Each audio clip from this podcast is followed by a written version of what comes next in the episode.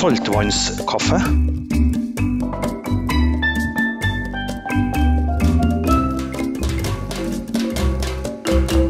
Velkommen til saltvannskaffe skal du være. Her sitter Eren Jektvik, Felix Baldauf og meg sjøl, Roar Halten. Og i dag folkens, så skal det handle om sjøltillit og det å få trua på seg sjøl. Og jeg hopper rett ut i det, Eren. Du, du er en ganske frambusende og ekstrovert eh, type, vil jeg påstå. Har du alltid vært sånn?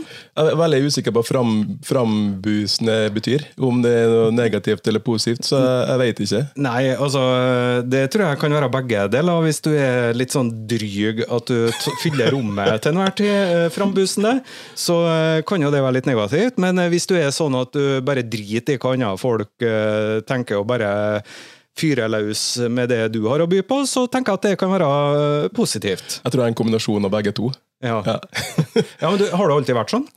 Um, både ja og nei. Um, jeg har nok vært en Jeg er veldig skolesvak. Var veldig skolesvak på barneskolen. Så det var liksom den der kjappe kommentaren og, og gjøre noe ut av meg på den klassiske klassens klovn som gjør at det var det som overlevde skolehverdagen min. Og så da har det bare gått slag i slag derifra, tror jeg. Jeg har også hatt veldig godt sjøltillit, på um, på meg sjøl. Og det handler om brytinga, faktisk. Jeg begynte å bryte da jeg var seks-sju år, og så greier jeg helt OK på det. Og det har bare tatt med meg, altså. på godt og vondt. Ehm, så jo da, jeg er nok en eh, ekstrovert person som, eh, som tar plass, på godt og vondt. Bare si det nå, skyte inn her før vi får høre den vakre stemmen din også, Felix. Si hei, da. Hei, hei. Ja, det har vi fått det. Så kan jeg vel skyte inn det at der du bygde sjøltillit med brytinga, ja. så bygde jeg ned sjøltilliten med brytinga mi. Fordi eh, da jeg var guttunge òg, vi snakker jo sånn eh, mellom 7 og 11-12-årsalderen her, tenker jeg, så gikk jeg på bryting. Det var liksom nærmeste nabolokalet var KAK-lokalet, som er en annen bryteklubb her i Kristiansund enn Brått, som dere er mest engasjert i. Yes. Så jeg begynte der, da, naturligvis, for det var 30 sekunder å gå hjemmefra. Eh, Orka ikke gå lenger, da? Eller? Nei, det er noe mer, skjønner du. Og så, eh, etter et par år, så bytta jeg til Brått. Jeg eh, husker ikke hvorfor, men da gjorde jeg det. Og så skulle jeg være med eh, på en eller annen cupen. Jeg hadde vært med på flere cuper, aldri vunnet en brytekamp. Og nå snakker vi kanskje en tre-fire år ut i karrieren her, folkens. og så var alle veldig sånn supportive og sånn at Nord på denne turneringa, jeg tror det var i Sverige, en som heter GT-cup. Ja, det stemmer. Ja, ja, det var GT-cup. Eh, så var jeg med nedi der, da. Og så, så sier treneren og sånn Noroar, nå vinner du. Fordi at nå skal du bryte din første kamp mot en fyr som starta for en måneds tid siden. og sånne ting. Og husk på, det høres ut som jeg, jeg skal si den storyen her, uh, gjøre han ekstra god nå, men ta er fakta Faen, altså! Det har skjedd. Um, han hadde brutt i en måneds tid. Jeg har brutt i tre år, ikke vunnet en eneste kamp. Alle bygde meg opp og sa at endelig, Roar, nå skal du vinne din første kamp. Og vet dere nå, det ble ny fallrekord for turneringa. Og det var ikke jeg som lå i bakkene med skuldrene. Det var, tok, tok, tok ni sekunder, og sånn tror jeg, så var jeg ferdig. Jeg har faktisk vunnet turneringa som gutt, og det ble veldig stor uh opphaussing i Kristiansund på det. Veldig få som vant turneringa. Vi kalte det liksom et EM, husker jeg. GT-cup? GT-cup, ja. ja. Det var liksom Europas største turneringa. Så, Uh, og jeg har også eh, pokal for raskeste fallskjerm hjemme på 17 sekunder. På et annet sted. enn det. Men jeg husker jeg ble norgesmester for første gang når jeg gikk i femte-sjette klassen på barneskolen. Og uh, det ble jo godt, godt, tatt godt imot i Tidens Krav, som da var verdens største avis. Og Så lå jeg hjemme og sov bare onsdagen etterpå, og så ringer telefonen. Eh, hjemmetelefonen, det var ikke mobiltelefon den gangen. Foreldrene mine var dratt på jobb, og da er det rektoren som ringer og spør hei, skulle ikke du vært på skole nå. Så sier jeg ja, det burde jeg kanskje vært. Og Da lå jeg hjemme og sov. Da var ordføreren og Tidens Krav eh, på plass med kake eh, til klassen, for jeg ble norsk mester.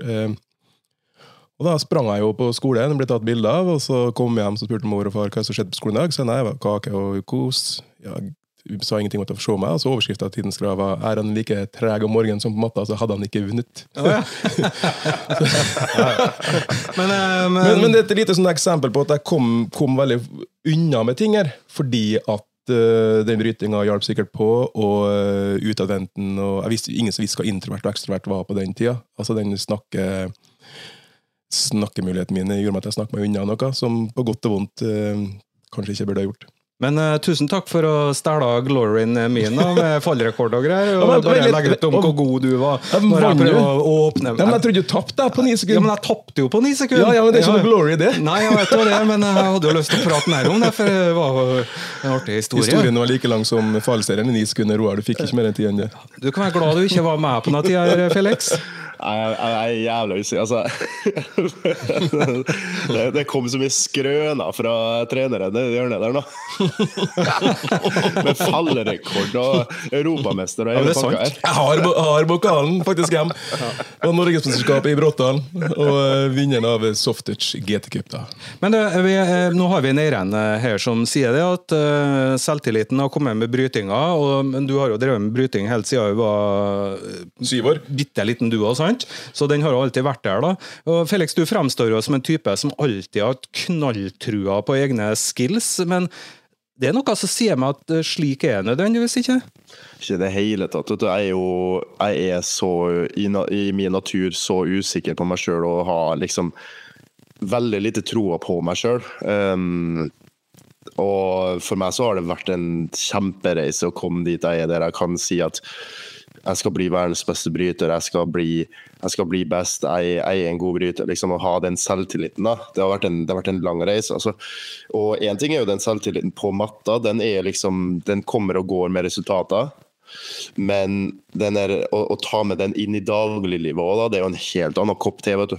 Men, eh, men det at liksom han skal si at han skal bli verdens beste bryter, sånn, det, det har kommet naturlig av resultatene. Det skal sies. Det er jo møter jo fullt med barn og foreldre etter barn som sier at uh, sønnen min eller datteren min skal bli verdens beste bryter. Og, og det applauderer jeg frem til en viss alder, så må du begynne å gjøre jobben. da. Mens Felix har jo vært unaturlig til slutt og ikke sagt neste mål. Han ble jo europamester som junior. Det er unaturlig å si at vi skal gå tilbake og bli norsk mester igjen, så det har vært en sånn naturlig stige på det. da.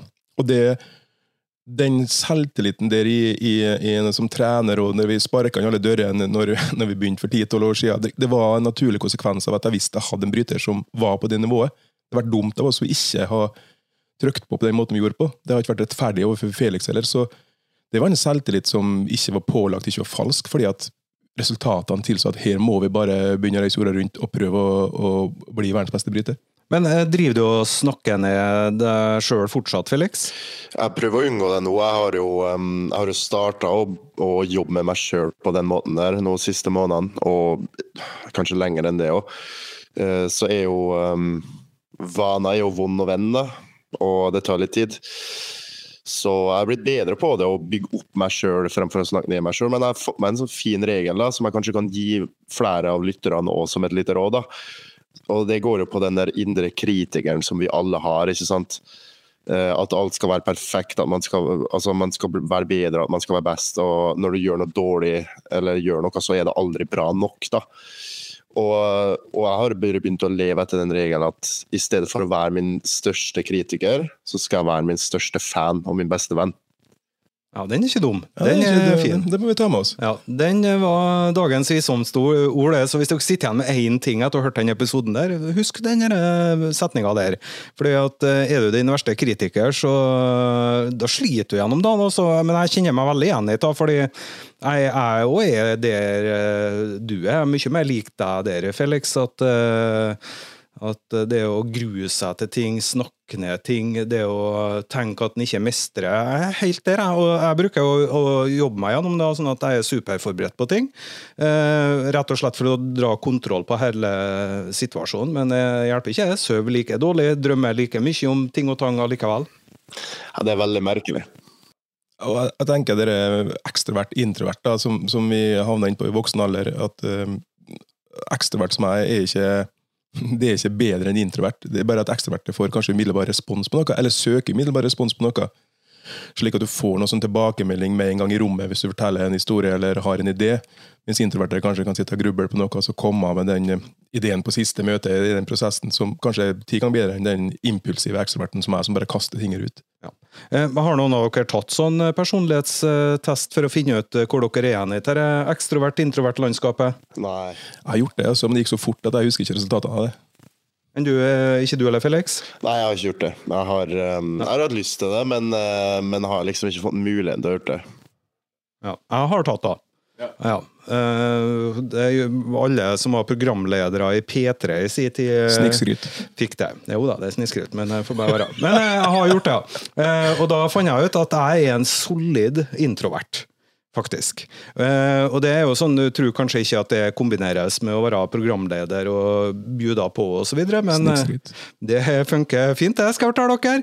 Eh, Og for den som kanskje ikke vet forskjellen på det introvert og ekstrovert greia, så er en introvert rett og slett en som har bare så og så mye sosialt å gi, egentlig.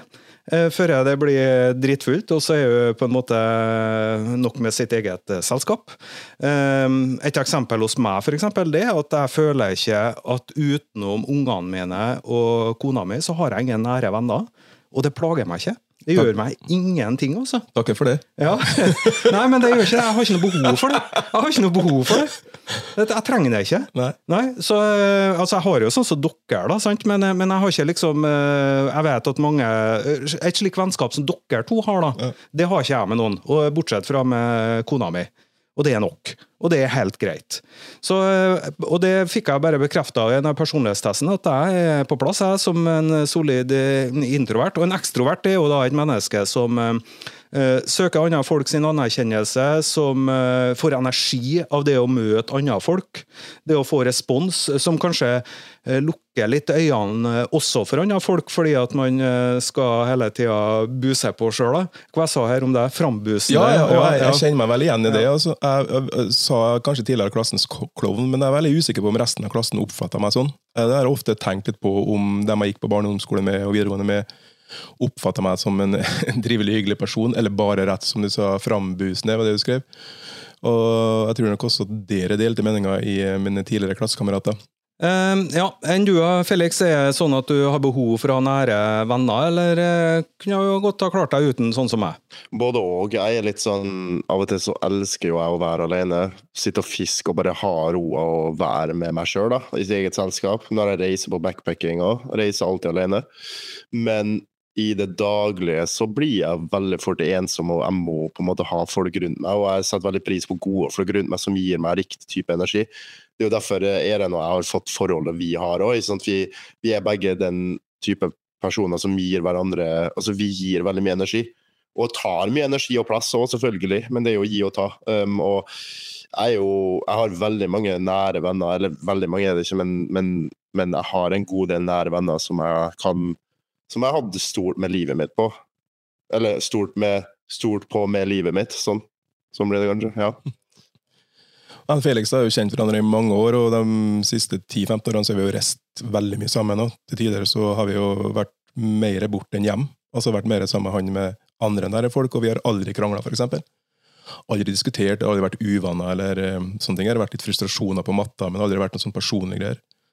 Og så har han Felix da aldri spurt meg om noe, eller aldri krevd noe av meg. Så alt det som ehm, vi har gitt til hverandre. da. Det har aldri vært sånn at han har sagt at uh, jeg må på reise dit, eller jeg vil ha ei trening da, eller kan jeg få det, jeg vil ha ei T-skjorte. Altså Aldri fra ung alder av fram til nå så har aldri han spurt eller krevd noe. Uh, aldri satt noen sånne ønsker mot meg, da. Som, som ofte skjer når du er utadvendt. Kan du gjøre det, eller har du muligheten til å gjøre det, eller kan hjelpe meg med det, eller gjøre sånne ting. Det har Felix eh, aldri gjort. Kjenner du igjen det her, Felix? Ja, veldig, veldig fine ord. Jeg blir litt rørt. Takk, Eken. Det setter jeg pris på. Altså.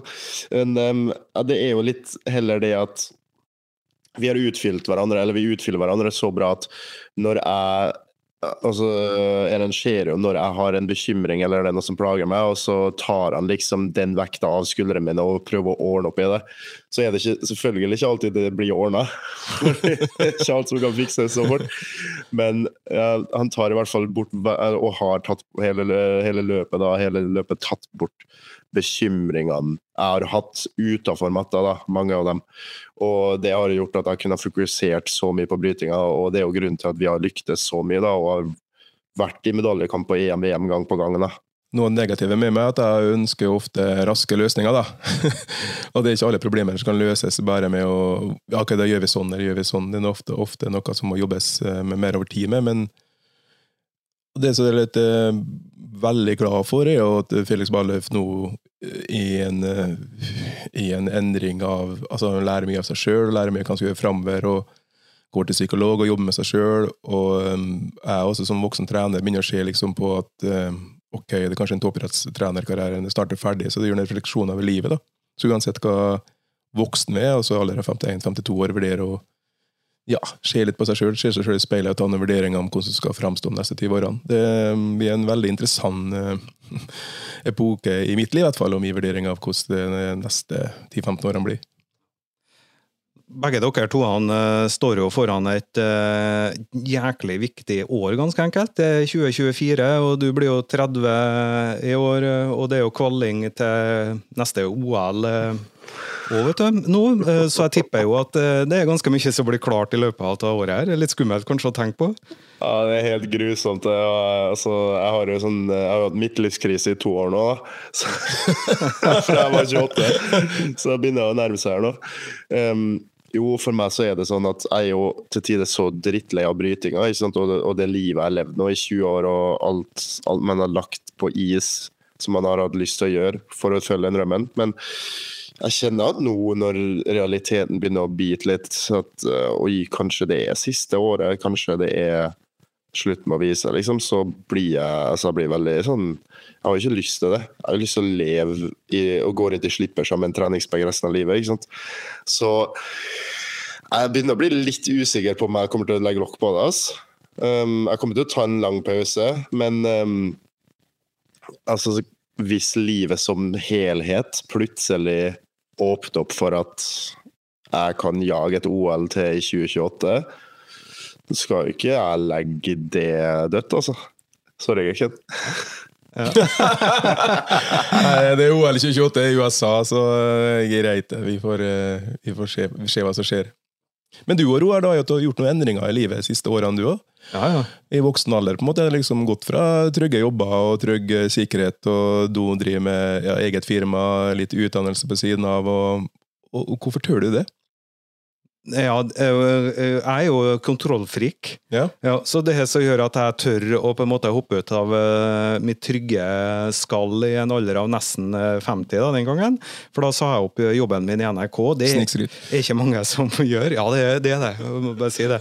Um, altså, og så tar jeg en utdannelse som kvalifiserer meg for en jobb i NRK. Det er jo litt sånn corny. Ja. Uh, men Eh, det, gjør, det er et behov for å kunne stå på egne bein, faktisk. Og grunnen til at jeg tør det nå, sier jeg kontrollfrykt, er at jeg har råd til jeg kan på en måte holde på å sulle i et par år. Ikke fordi at jeg har tjent så jækla mye penger i NRK, så tro meg, det er ikke, blir ikke millionær av å jobbe der, men uh, fordi jeg sparer. Ja. Altså, Så utrolig kjedelig er det svaret. Jeg har rett og slett spart penger, altså. Men så smart? Jo, jo, men uh, sånn er jeg. Skulle jeg sagt at jeg har uh, eh, handla aksjer og vunnet stort og sånn, men uh, det, jeg, jeg, jeg, har faktisk handla aksjer en gang, da. For noen år siden. Så leste jeg i Dagens Næringsliv at, at XXL, sportsbutikken, var i fritt fall. Og så tok jeg og så hadde jeg 5000 kroner til overs. Første og siste gangen jeg handler med aksjer, så det er kanskje en frampek på hvordan historien her er. 5000 inn, eh, og den aksjen som var i fritt fall, den var virkelig i fritt fall. For den fortsatte å ferde ned. Jeg tenkte jo at nå kjøper jeg meg når det er lavt. sant? Og nå da så er de aksjene verdt en ja, 150 kroner, eller noe sånt. Så det er 4700 et eller annet rett ut av vinduet, det. Vent litt om brytekarrieren din. Fy flate. Oi, oi. Ja, her skal vi gjøre det. Du, eh, Felix, sist gang eh, vi snakka sammen, eh, så kom det frem at pga. bronkitt og influensa og full pakke, liksom, så mista du EM. Og det her er jo litt historier bak din karriere, dessverre. Det kommer alltid et skjær i sjøen foran de store milepælsmålene. Hva gjør du for å løfte deg sjøl gang etter gang etter gang? Gud gir sine tøffeste utfordringer til sine tøffeste krigere, Roar. Og jeg, jeg, jeg, har gjennom, eh, gjennom, mange, eh, gjennom min motgang da opparbeida meg en, en, viss resiliens eller motstandsdyktighet da, for, for de, eh, de, smellene der. Så når, jeg, når det dukker opp noe, så er jo min, min reaksjon er jo også at jeg depper litt.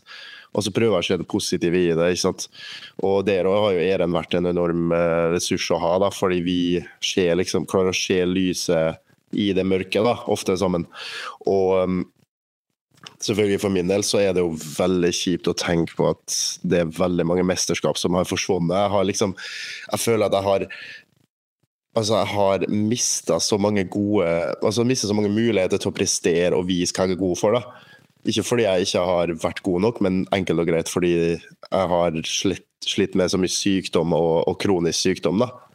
Som har gjort at jeg har ikke hatt muligheten til å teste meg. Og da blir jo sjansene du får, veldig få. Og det å prestere i idretten på en gitt dag, det er jo en kunst. Og um, det er kanskje det som har plaga meg mest, da, at jeg føler at jeg ikke har fått ut Altså, jeg, jeg, 100, jeg vet 100 sikkert at jeg har ikke fått ut mitt fulle potensial ennå. Jeg fikk det ut eh, den dagen jeg ble europamester, men siden det så har jeg ikke fått ut mitt fulle potensial i, i de fem-seks årene. Liksom. Det har alltid bare kommet litt fremover, og så et skritt tilbake. Litt den retninga, et skritt tilbake. Så jeg, jeg, er på en måte veldig sulten på å få vist Altså på, på å få vist en gang til hva, hva som bor i meg. da.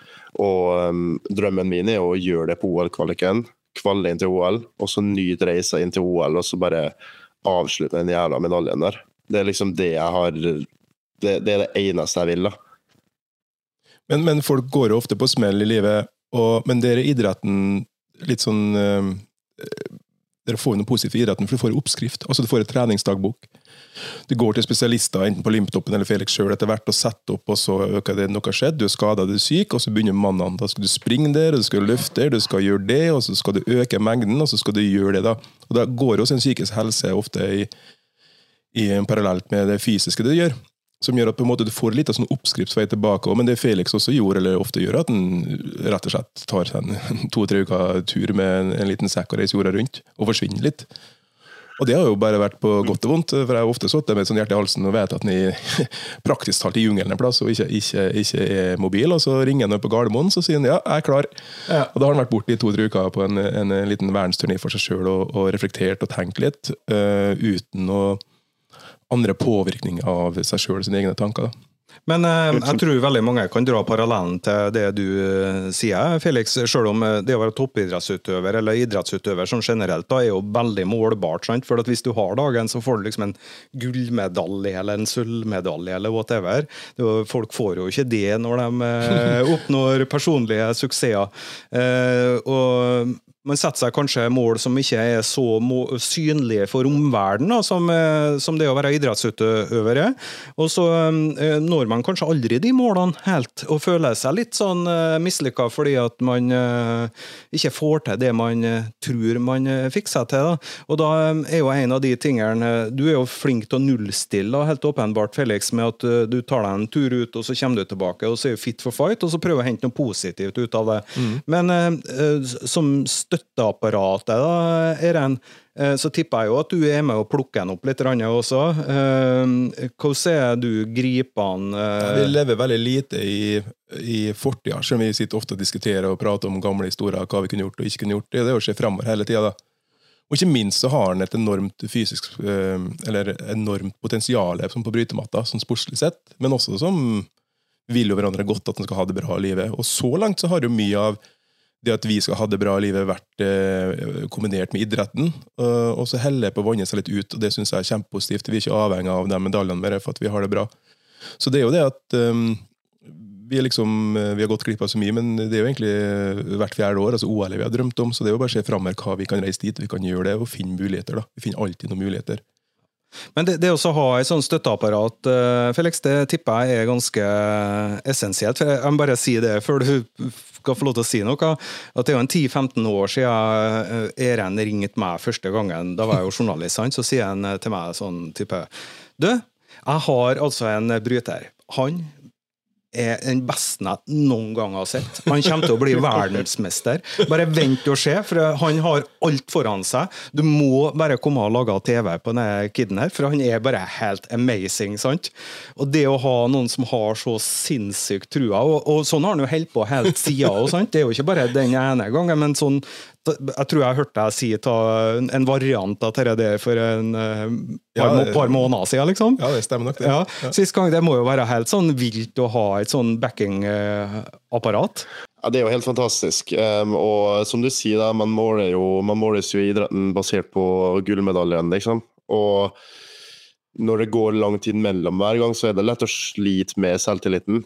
Men når du har noen i hjørnet ditt som bygger deg opp så mye hver gang, da, så begynner du får jo troa på deg sjøl etter hvert. Og, og i, i, flere år nå så har vi jo bare tenkt sånn Hvorfor går det ikke veien? Hvorfor er det liksom hva som skjer her? Hvorfor eh, går det så lang tid mellom prestasjonene om dagen? Så Svaret er enkelt. da. Det er jo at eh, Eren eh, ble, forsvant som trener fra landslaget. De siste fire årene da, så har ikke vi reist sammen. Og det har, det har man sett på resultatene mine, at de har vært så svingende. da. At når vi har fått mye tid sammen, så har jeg prestert bra. Men når vi ikke har det, så, så har det liksom bare vært Det er jo da jeg har vært lei, det er da jeg har ikke levert det jeg kan.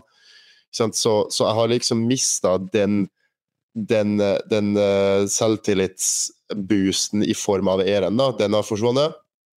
Og, og så forsvinner jo veldig mye av gleden med idretten når det skjer, fordi vi har liksom vært oss to mot verden fra lille Kristiansund hele karrieren. Og de siste tre-fire årene så har ikke vi kunnet reise sammen. Så det er jo helt, altså, det er jo ikke rart at det har gått som det har gått. ikke sant? Så, så folk bare klør seg i hodet og lurer på hva som skjer, og så er jo svaret egentlig svart på hvit der. Så nå er jo vi uh, jævlig glad for at vi har fått, uh, fått støtte og midler Ja. til at vi kan kjøre løpet inn sammen frem til OL-kvalikene nå, og forhåpentligvis til OL. da. Og så tar vi det derfra.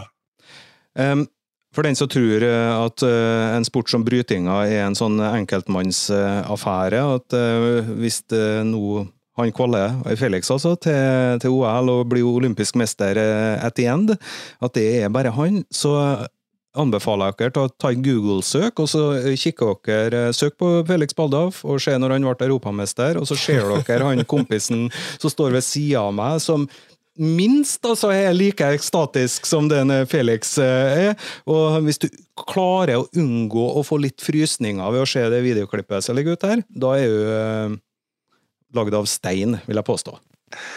Ja, nei, vi, vi er et team også, på godt og vondt. eh, Det er det. Ok, eh, vi lar det være siste ord eh, i den der praten, fordi at nå så skal vi over her til ei fast spalte, og vet dere noe, folkens?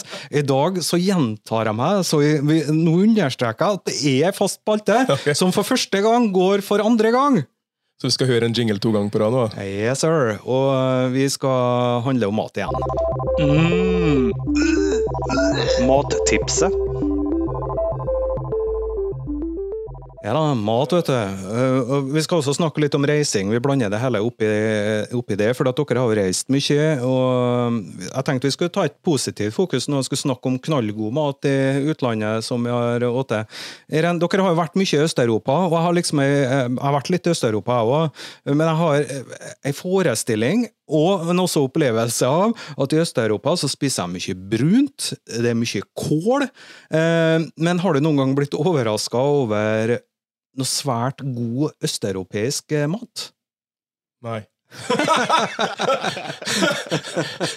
Felix er mer positiv til den der gulasj og de greiene der. Det er ikke det, altså. Uh, I don't eat local food. Gjør du ikke? Så du, du drar på Burger King, du? Nei, jeg gjør ikke det, men det serveres alltid en pizza eller en, en burger eller en biff en plass. Men, eller gri- grill, grilla mat, da. Jeg, jeg kjører den, jeg. Jeg kjører grill, grillmiks. det. grillmix. Er kjedelig, Så for, foran Ja, det er lever og sånn selv på kaste opp av, så det ikke Det, det går, går ikke, altså. Men, men, men Norge er jo dårlig på suppe. Det skal sies. Det er mye gode supper ute der i østblokk, og i verden ellers ser vi dem flinke på som forrett med supper og sånn. Og det syns jeg er mye ålreit. Ingen annen hva det er for noe, vi bare spiser. For vi får jo ikke bestemme sjøl. Altså, vi er bare ute og reiser, og så er middag klokka fire, så er det middag klokka fire. Så ikke spiser det du får da, så får du ikke noe ny mat. Men, men sånn, eh, jeg har vært i Romania et par ganger, og eh, der har de sånne kålrullader. Det er altså sånne kålgreier med, med noe kjøtt inni og sånne ting. De er jo svingode. Ja, jeg holder meg unna det. altså. Det er krise. Hvor er du i denne leiren her, eh, Felix? Jeg er jo stikk motsatt. Jeg, altså, jeg elsker jo altså Øst-Europa med sine supper, det syns jeg er knall. Selvfølgelig jeg hatt gode og dårlige opplevelser. Jeg husker jeg var på treningsleir i Ukraina for uh, åtte år siden. var det nå. Um, kom til middag, og så ble, lå det bare en hel fisk på tallerkenen. En sånn, så, altså en fisk. Det var ingen tilbehør, det var liksom ingenting. Det var bare en, en, en grilla fisk lå her, og så var det Ja. middagen. da. Ja. Um, Omtrent sånn som i fryseren til Neiren, altså. ja, litt sånn som jeg har i døra. Men um, um, suppene generelt knallbra i Øst-Europa. Um, blitt positivt overraska flere ganger. En gang jeg husker veldig godt, nå apropos suppe, var når vi var sperra inn um, eh, i Budapest på et hotell i ti dager pga. korona der. Så um, hadde de en gulasjsuppe på hotellet den var knall, altså. Liksom, den, det var dagens høydepunkt hver dag hele det oppholdet der. da, det, Den gulasjsuppa til lunsj der, den gjorde hele greia. Så det var, det var en høydere. Men, men klart, det var også Vi var jo i, i Budapest under koronatida, og det var tre dager til OL-kveld. Vi hadde liksom reist i seks-sju uker med minibussene med Europa for å trene, da, for å ikke bli smitta. Og så, selvfølgelig fire dager før, så fikk vi jo korona alle sammen. Det ble eh, Jeg ble testa der jeg kom eh, og ble kjørt bort i en taxi med noe, med noe som blokkerte vinduet til sjåføren, inn med hvite dresser og inn på hvert sitt rom der. Og tenkte jeg at uh, ja, kjipt det. Og Felix satt på, dags, på Kveldsnytt og sa nei, det er kjipt å få korona, men det går bra. Og så fikk vi en menyliste. Trykk 9, ring resepsjon. Uh, dag én så var vi alle ute i gangen og hilsa hverandre. Bodde på rom ved siden av hverandre, syntes det var kjempebra. Og dag to og tre og fire så lå jeg og huska nesten ingenting. Men Felix var alene inntil middagen sin. Så det var ikke noe, jeg fikk ikke spist noe der. Ja, det er ikke noe stas. Um, hopper vi over til meg. Um, jeg var i India faktisk eh, i et lokalt bryllup eh, nå i desember for noen måneder siden. Det var sære greier. greier. mener du med lokalt bryllup? Ja, At det var indere som gifta seg. da. Ikke okay, liksom ikke- eh, et bryllup med vestlige India. India ja. Og jeg trodde du mente lokalt, at du ikke du var, liksom, var litt som presidenter og dronninger. og sånn, At du var bare siden du kom fra NRK at du var på et jeg kom- lokalt, vanlig bryllup. Kom ikke fra NRK. Nei, men jeg, jeg, var, jeg var i et muslimsk eh, bryllup eh, i India.